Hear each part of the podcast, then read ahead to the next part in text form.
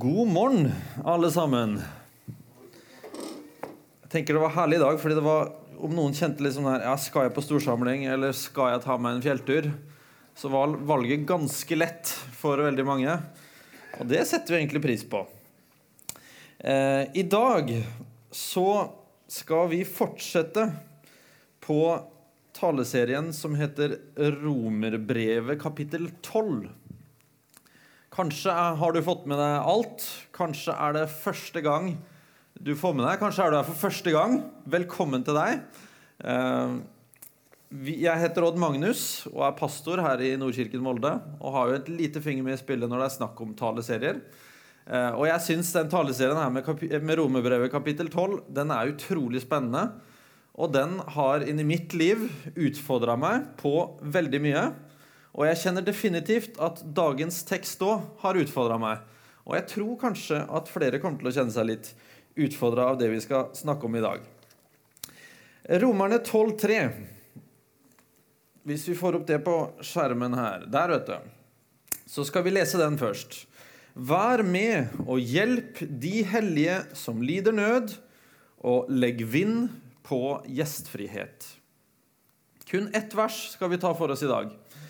Uh, og jeg har faktisk tenkt i disse tider hvor vi har lært oss litt bevegelser i løpet av dagen Hva med å rett og slett lære oss noen bevegelser for å klare å huske det her bibelverset? Det er ikke hver dag jeg tenker at vi skal klare å huske taleteksten, men i dag har jeg et mål om det.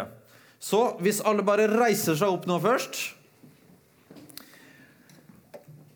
Så skal vi prøve å si det her. Ikke akkurat med de orda der, men dere skal få høre de orda her. Eh, litt sånn enklere måte å huske på, tror jeg. Del med Guds folk som har behov. Praktiser gjestfrihet. Skal vi prøve å si det først uten bevegelser? ok? Klar? Del med Guds folk som har behov. Praktiser gjestfrihet. Ok, Og nå med bevegelse. Da skal vi gjøre det sånn. Del med Guds folk som har behov, praktiser gjestfrihet. Var det mulig å få til? Ja. Vi prøver det en gang til. Del med Guds folk som har behov, praktiser gjestfrihet. Nå prøver jeg en gang uten at jeg sier det.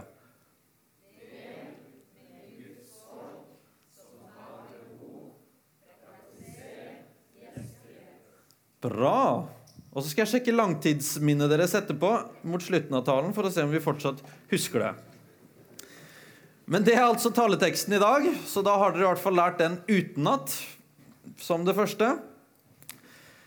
Og i den teksten her så er det egentlig to ting jeg har lyst til å fokusere på. Vi deler den opp i to, og så er det to ting vi skal se på.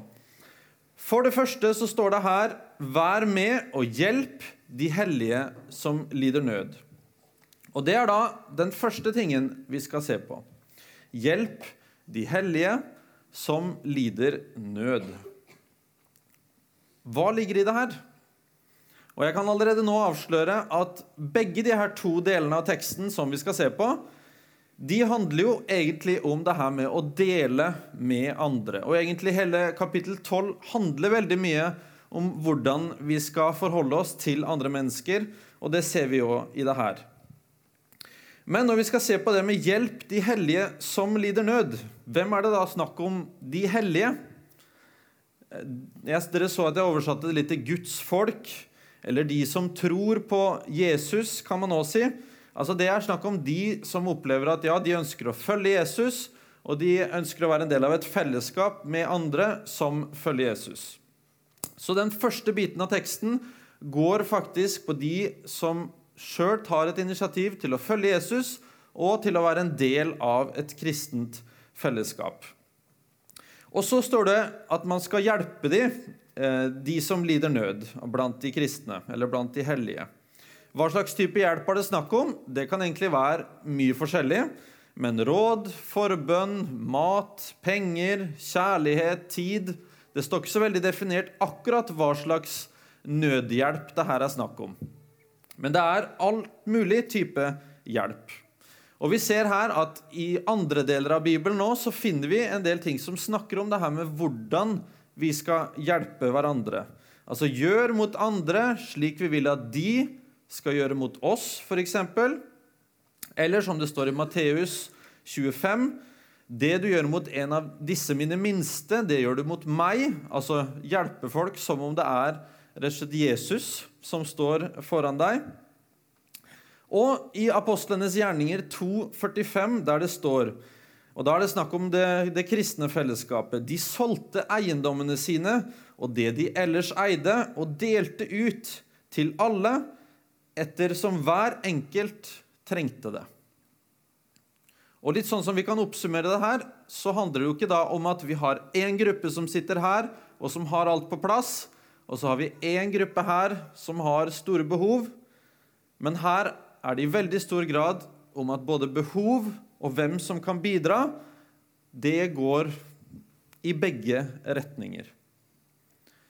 Her i Norge så har vi på en måte noe veldig positivt, at vi er veldig glad i å hjelpe. Men samtidig så har vi litt utfordringer med å skulle tenke på hva er det jeg trenger hjelp til. Og da havner vi lett i den at vi enten plasserer oss i at jeg kan hjelpe, eller at det er noen som er i en posisjon hvor de trenger hjelp. Men i det vi snakker om her, så er det snakk om noe som går i alle eller i begge retninger. Men hva ligger egentlig i det å lide nød? Er det når du på en måte lever på under en dollar om dagen, eller når du ikke har hus, eller eh, når du er en narkoman Altså, hva er det å lide nød? Og en annen ting klarer vi å erkjenne de gangene vi lider nød. Fordi jeg tror det kan være veldig forskjellig hva som ligger i at ja, nå lider jeg nød. Men en annen ting er da klarer jeg å erkjenne eller innse eller å være ærlig nok til å si at vet du hva, her trenger jeg hjelp. Og da handler det jo rett og slett om å klare å koble seg på hverandre. Moldefellesskapet, som det het før, det blei starta opp 2005 ca. Da var det en liten gjeng som eh, bestemte seg for at vet du hva, vi eh, ønsker å se et nytt fellesskap som vokser seg fram her i Molde, og som gir folk en mulighet for å få et møte med Gud og med hverandre. Og I starten så var man ikke en sånn veldig stor gjeng. Og det var litt sånn at du faktisk klarte å huske navnet på alle de som eh, kom. Stort sett, tror jeg. Men etter hvert Og jo, og så var det i starten der at etter ei storsamling så kunne det gjerne poppe opp noen, ut ifra hva jeg har fått høre, i hvert fall.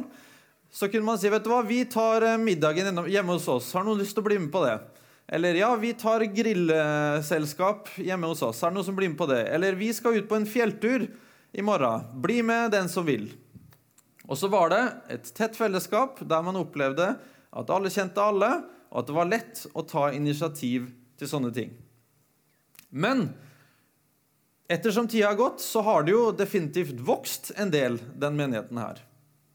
Og jo større man blir, så tror jeg nok at til en viss grad blir litt mer utfordrende at noen bare spretter fram hit nå mot slutten av storsamlinga og sier vet du hva, jeg har lyst til å invitere alle hjem til oss og spise litt mat.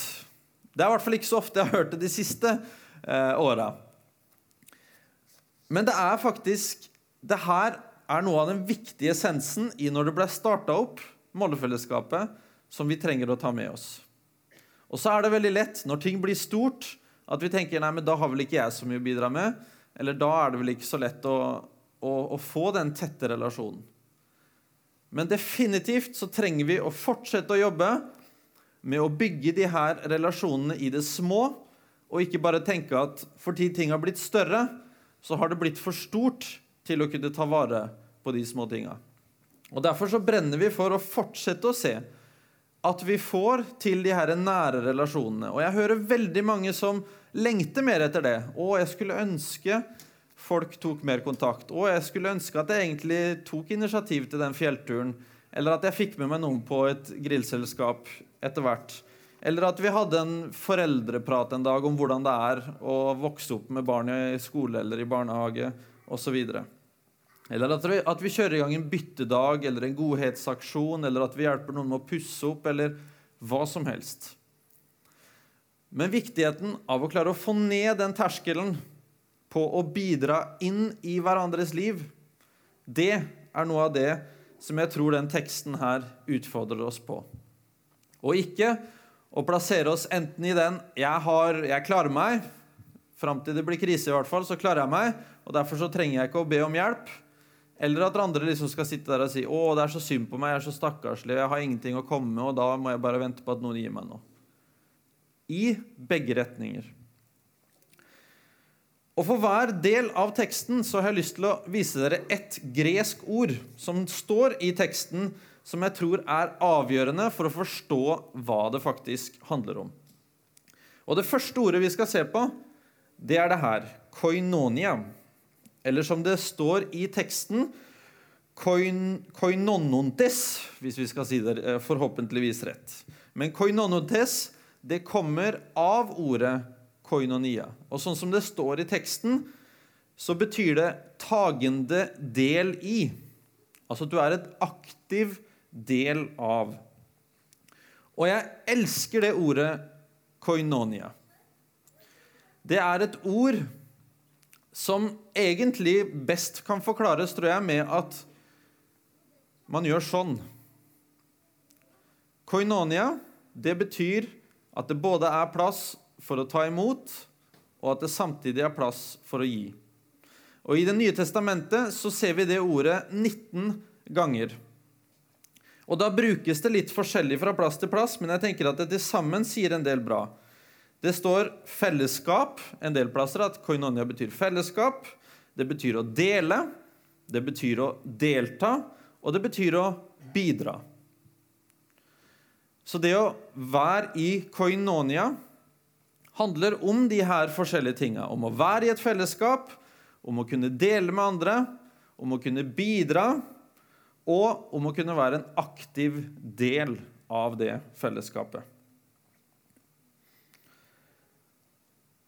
Og da er det sånn at når vi skal se på det her med fellesskap, så er det veldig viktig å skille mellom det som da kan kalles koinonia, og så er det noen som har kommet opp med ordet koinonittis.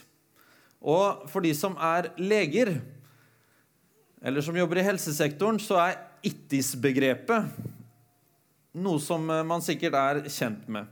Og det har vel ofte med at ting har, en, har begynt å bli kronisk. Kan det stemme? Eller vedvarende? Ja, noe i den duren. Jeg skulle ha sjekka med en lege på forhånd, men jeg, trodde, jeg tror som cirka det er det. At når det har blitt ittis, da har det gått mer over i en kronisk type opplegg. Så koinonittis det er mer når du har et fellesskap, men det har endt opp med å bli et sånt fellesskap. Det er et fellesskap hvor de som er der allerede, koser seg og har det bra, mest sannsynlig. Men det er verken plass for å se ut over det fellesskapet eller for å komme inn i det fellesskapet. Og dette er noe vi alltid trenger å være klar over i et sånt fellesskap av de hellige. At vi ikke ender opp med å bli et sånt koinonitis, men at vi klarer å være et koinonia.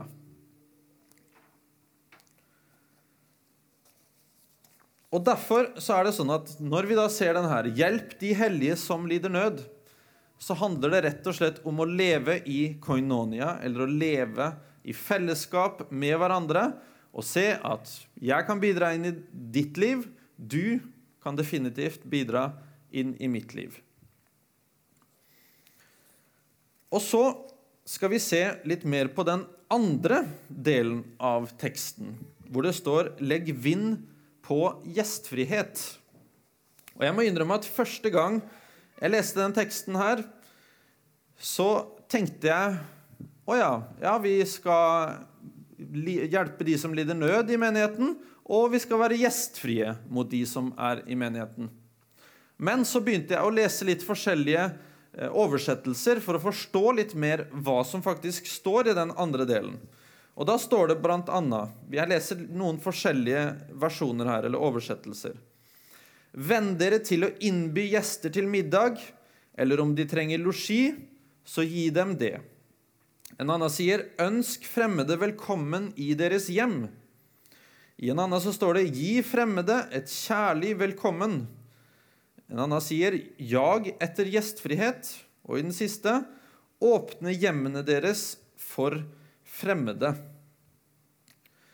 Og det som jeg syns var litt sånn rart her, hvorfor begynner man her å plutselig hoppe over på folk utafor menigheten? Er det noe i teksten som jeg ikke helt har forstått? Og det var det tydeligvis. Fordi hvis dere ser det ordet her, så er det ordet filoksenia vi har der. Eller filoksenia. Og det er et ord som betyr gjestevennskap, elske fremmede, et ønske om å vise vennskap selv til de du ikke kjenner. Og Hvis vi hadde delt opp det ordet her, fordi veldig ofte så kan greske ord deles opp for å forstå de litt bedre.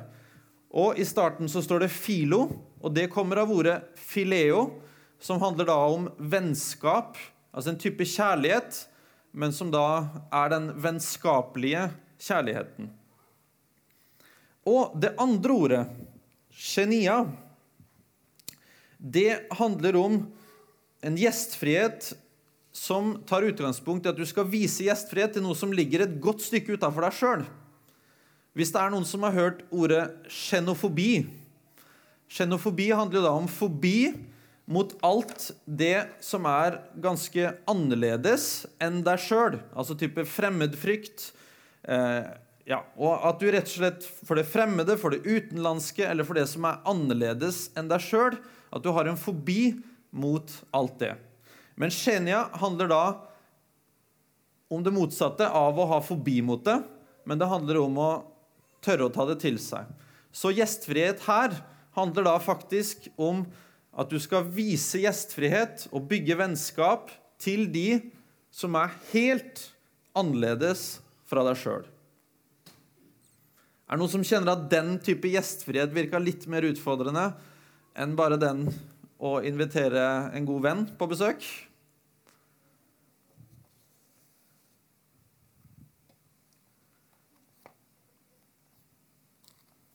Fordi det står, og vi skal se at det her stemmer overens med noe som står en annen plass i Bibelen. Lukas 14, fra vers 12 til 14, så står det Han sa også et ord til verten.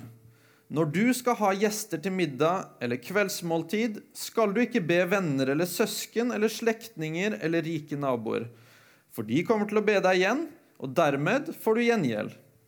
Nei, når du skal holde selskap, så innby fattige og uføre, lamme og blinde. Da er du lykkelig, for de kan ikke gi deg noe igjen, men du skal få lønn for dette når de rettferdige står opp fra de døde. Det her er en type gjestfrihet som vi da egentlig kan kjenne igjen i det 'legg vind på gjestfrihet'. Det er den type gjestfrihet det er snakk om.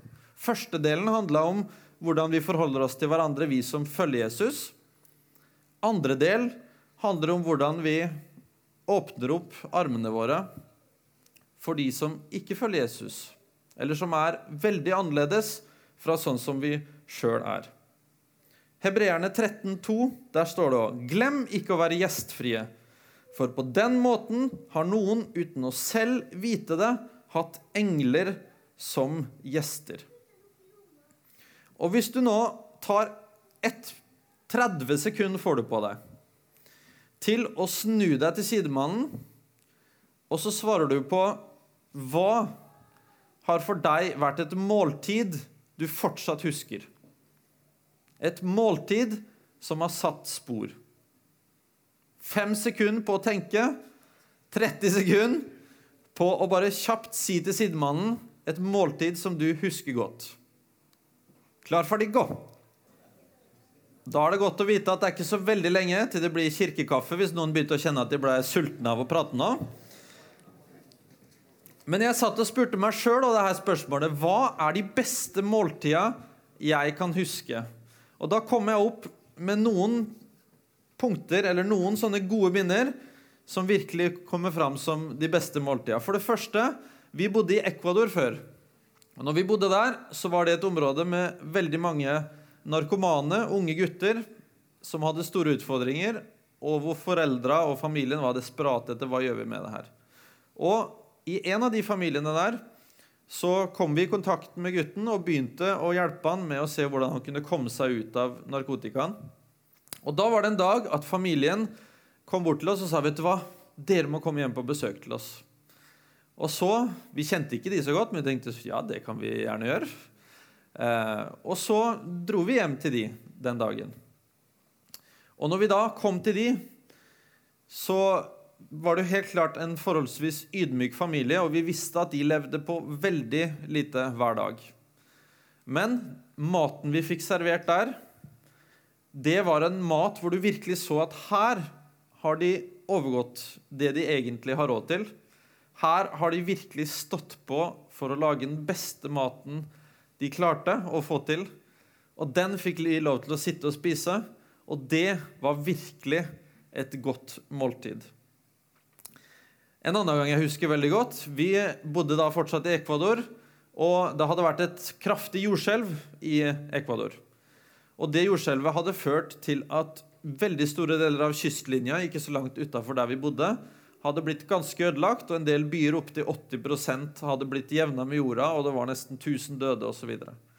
Vi bevegde oss da inn i jordskjelvområdet for å da ta med nødhjelp osv., men samtidig da kartlegge litt hvordan kan vi være med og bidra til gjenoppbygging av det området her.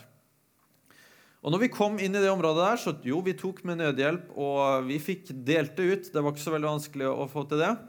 Men underveis så vi traff jo på folk som vi hadde kontakt med. Eh, og jeg husker de måltida vi fikk i løpet av den tida vi var ute i jordskjelvområdet. Du kan tenke deg, Folk har mista alt. Mange bodde bare i telt eller under presenninger. Men de måltida vi fikk servert der, det er noen av de beste måltida jeg har opplevd i hele mitt liv. Dette var jo ute på kysten, så det var jo en helt fantastisk sjømat som vi fikk servert. Og vi kom tilbake fra jordskjelvområdet og tenkte oi, vi har aldri spist så mye og spist så godt som nå når vi egentlig skulle ut og hjelpe folk i et jordskjelvramma område. Men vi har òg hatt veldig mange gode måltidsopplevelser her i Molde. Bl.a. når vi får lov til å enten bli invitert eller får besøk av mennesker her fra en annen kultur, så har vi hatt noen helt fantastiske måltid. Senest forrige søndag fikk vi prøve mantou. Det er det det heter, ja.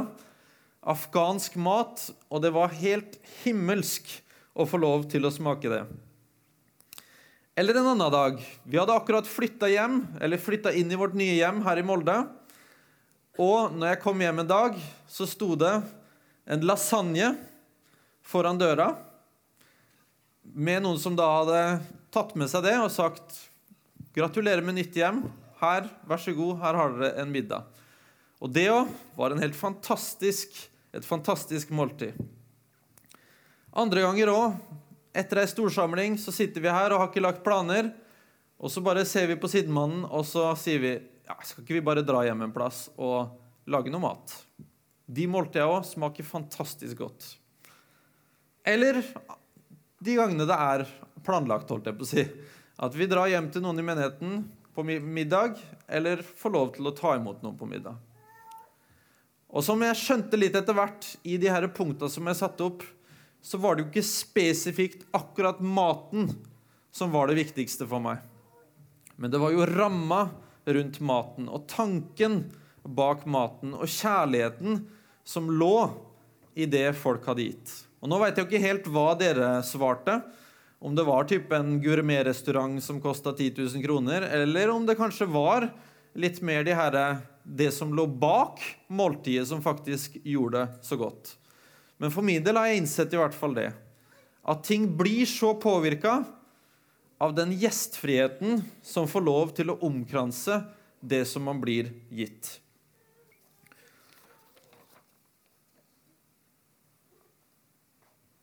Og Det er da vi ser at gjestfriheten er så mye mer avgjørende enn akkurat hva du gir. Det viktigste er ikke om du har brukt en måned på å forberede sånn at folk skal få et inntrykk av at du er så flink og perfekt, og at det er så ryddig i ditt hjem osv. Det viktigste er gjestfriheten du viser, og ikke minst i møte med mennesker som er fra en helt annen kulturell setting, eller som ser helt annerledes ut, som er annerledes enn deg. Det er da du virkelig kan få lov til å oppdage mer av hva gjestfrihet er. Både når du får lov til å ta imot det, men nå når du får lov til å gi det. Og sjøl om det er alltid veldig mye enklere med like barn leker best. Det er lettere for meg å invitere noen som er ganske lik som meg, som har de samme interessene, som liker samme maten.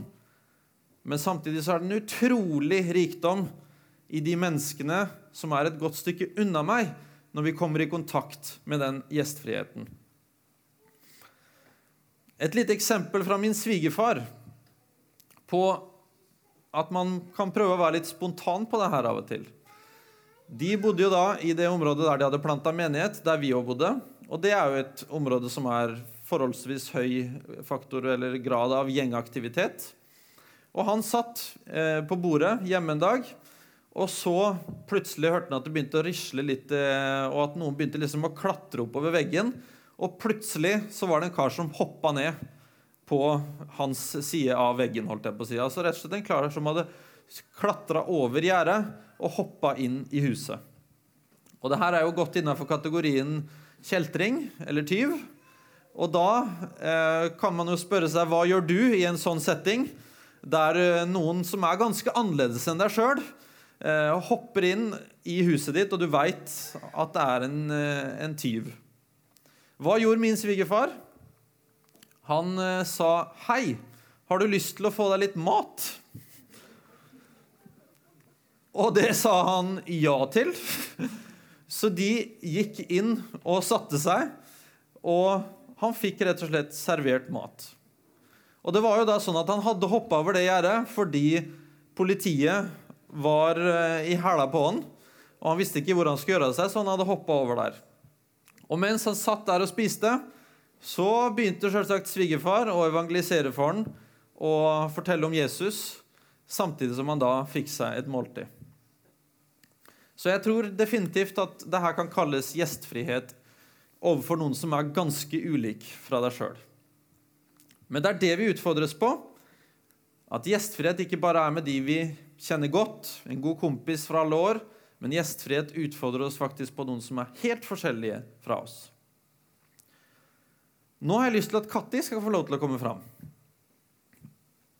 Og så skal hun få lov til å gi oss noen tanker om det som har med fellesskap og gjestfrihet å gjøre. Jeg tror du har sagt ganske mye, så jeg tror ikke jeg skal bruke Men du sier det så kort og konsist og riktig, og det er bra. eh, jeg har ja, ja, Som dere hørte, har jeg vokst opp med en far som er veldig flink, og han er veldig sånn gjestfri. Gjestfri, går det an å si? Ja. Ja. Så jeg har lært at det å invitere folk til oss, eller til huset vårt, det er å, å si velkommen til mitt liv. Velkommen til å se hvordan vi lever, velkommen til å se hvordan jeg er. Så jeg tenker at det med gjestfrihet handler om å vise hvordan vi lever. Hvordan vi har det.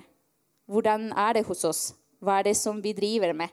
Så når vi inviterer folk til oss, det er å, det er å si Se, kom. Kom og se hvordan jeg er. Og egentlig når vi åpner eh, huset våre, så er det som at vi får en ny anledning. En anledning til å være ærlig. Vi kan ha gode samtaler eksempel her i menigheten. Vi kan ha gode samtaler på en kaffe. Men det er en annen, en annen type samtaler vi får når vi er hjemme hos noen. Det er som at vi går dypere. At, vi, at de kan se hvordan vi lever, vi kan være ærlige med dem, og de kommer til å være ærlige med oss. Den dagen den tyven kom eh, hos oss, var jeg, var jeg der. Og jeg husker jeg satt og gjorde lekser, fordi det var på kveld. Og da han kom inn, han var veldig høy, den tyven. Mørk og høy. Så, og pappa var, var helt rolig. Han var sånn, ja, ja, Kati, kom, du skal servere mat, fordi vi hadde akkurat spist. Så det var jeg som eh, ga maten til han. Så jeg var litt, egentlig litt nervøs, selvfølgelig. Jeg var litt nervøs. Jeg var kanskje, jeg var kanskje 14 år. Men da, papp, da vi ga maten til han, og se hans ansikt Det var utrolig. At, man, at han blir møtt med respekt. At han blir møtt med kjærlighet. At han blir ikke møtt med, døm, med dømelse, dømelse? Ja, fordømmelse. Men han fikk bare servert mat. Pappa mi evangeliserte han og ga en bok om Jesus. Ja, og han, ja, vi, vi, vi, visste hvem han var egentlig. Men den, den delen der, eller den samtalen pappa fikk med han, jeg tror det betydde ikke, Kanskje det betydde masse for den tyven, men jeg tror det betydde mye mer for pappa og for meg. Det å kunne se hans eksempel betydde mye for meg. Og jeg tror at i mange kulturer det å bli invitert hjem til noe det er et stort privilegium. Når noen inviterer oss til, eh, til middag eller til å være hos noen andre vi, Jeg synes i hvert fall det er et stort privilegium. Og det er i mange kulturer det, det å bli invitert det er, å, det er at man bare sier ja takk. Har du mulighet til å komme i morgen? Ja takk. Har du mulighet til å komme neste gang? Ja takk. For en stund siden inviterte vi noen for å spise hos oss. Og det var Magnus som ringte, ringte dem. Og det de sa, var at vet du, du trenger ikke å tenke så mye. Du trenger ikke å forberede noe for oss. Vi har ikke gode rutiner for å spise. Så da jeg hørte det de sa, så tenkte jeg OK, du blir invitert til middag. Og du bare svarer med en unnskyldning. Det at vi bryr oss om andre, betyr ganske mye.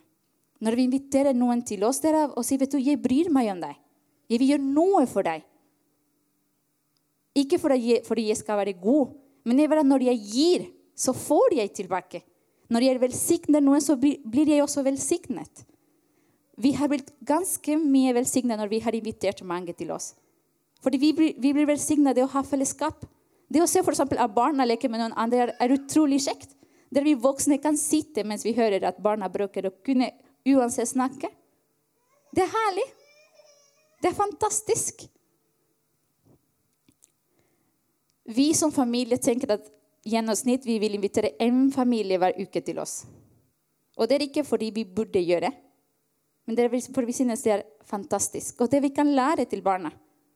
At vi kan involvere barna i det. Vet du, hvem, hvem, har du lyst til å invitere? Og Amelie og Mathias de har gitt oss en lang liste over vennene de vil invitere. Og Mathias spør meg hvem skal komme på besøk. Han er vant til det. Og det å se at de vokser opp med den gjestfrihet, er fint. For det er noe de skal ta med seg videre. Så hender som gir, er hender som får. Så hvorfor? Hvorfor vi går glipp av den opplevelsen? Så neste gang du har mulighet til å invitere noen, bare gjør det. Og når de ringer og sier deg, du vil du komme, bare takk ja. Og nyte den anledningen du har til å bli, til å bli velsignet.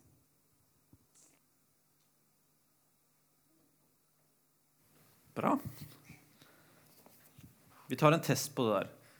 Kan ikke bare alle liksom puste dypt inn, og så skal vi klare å si takk? Én, to, tre.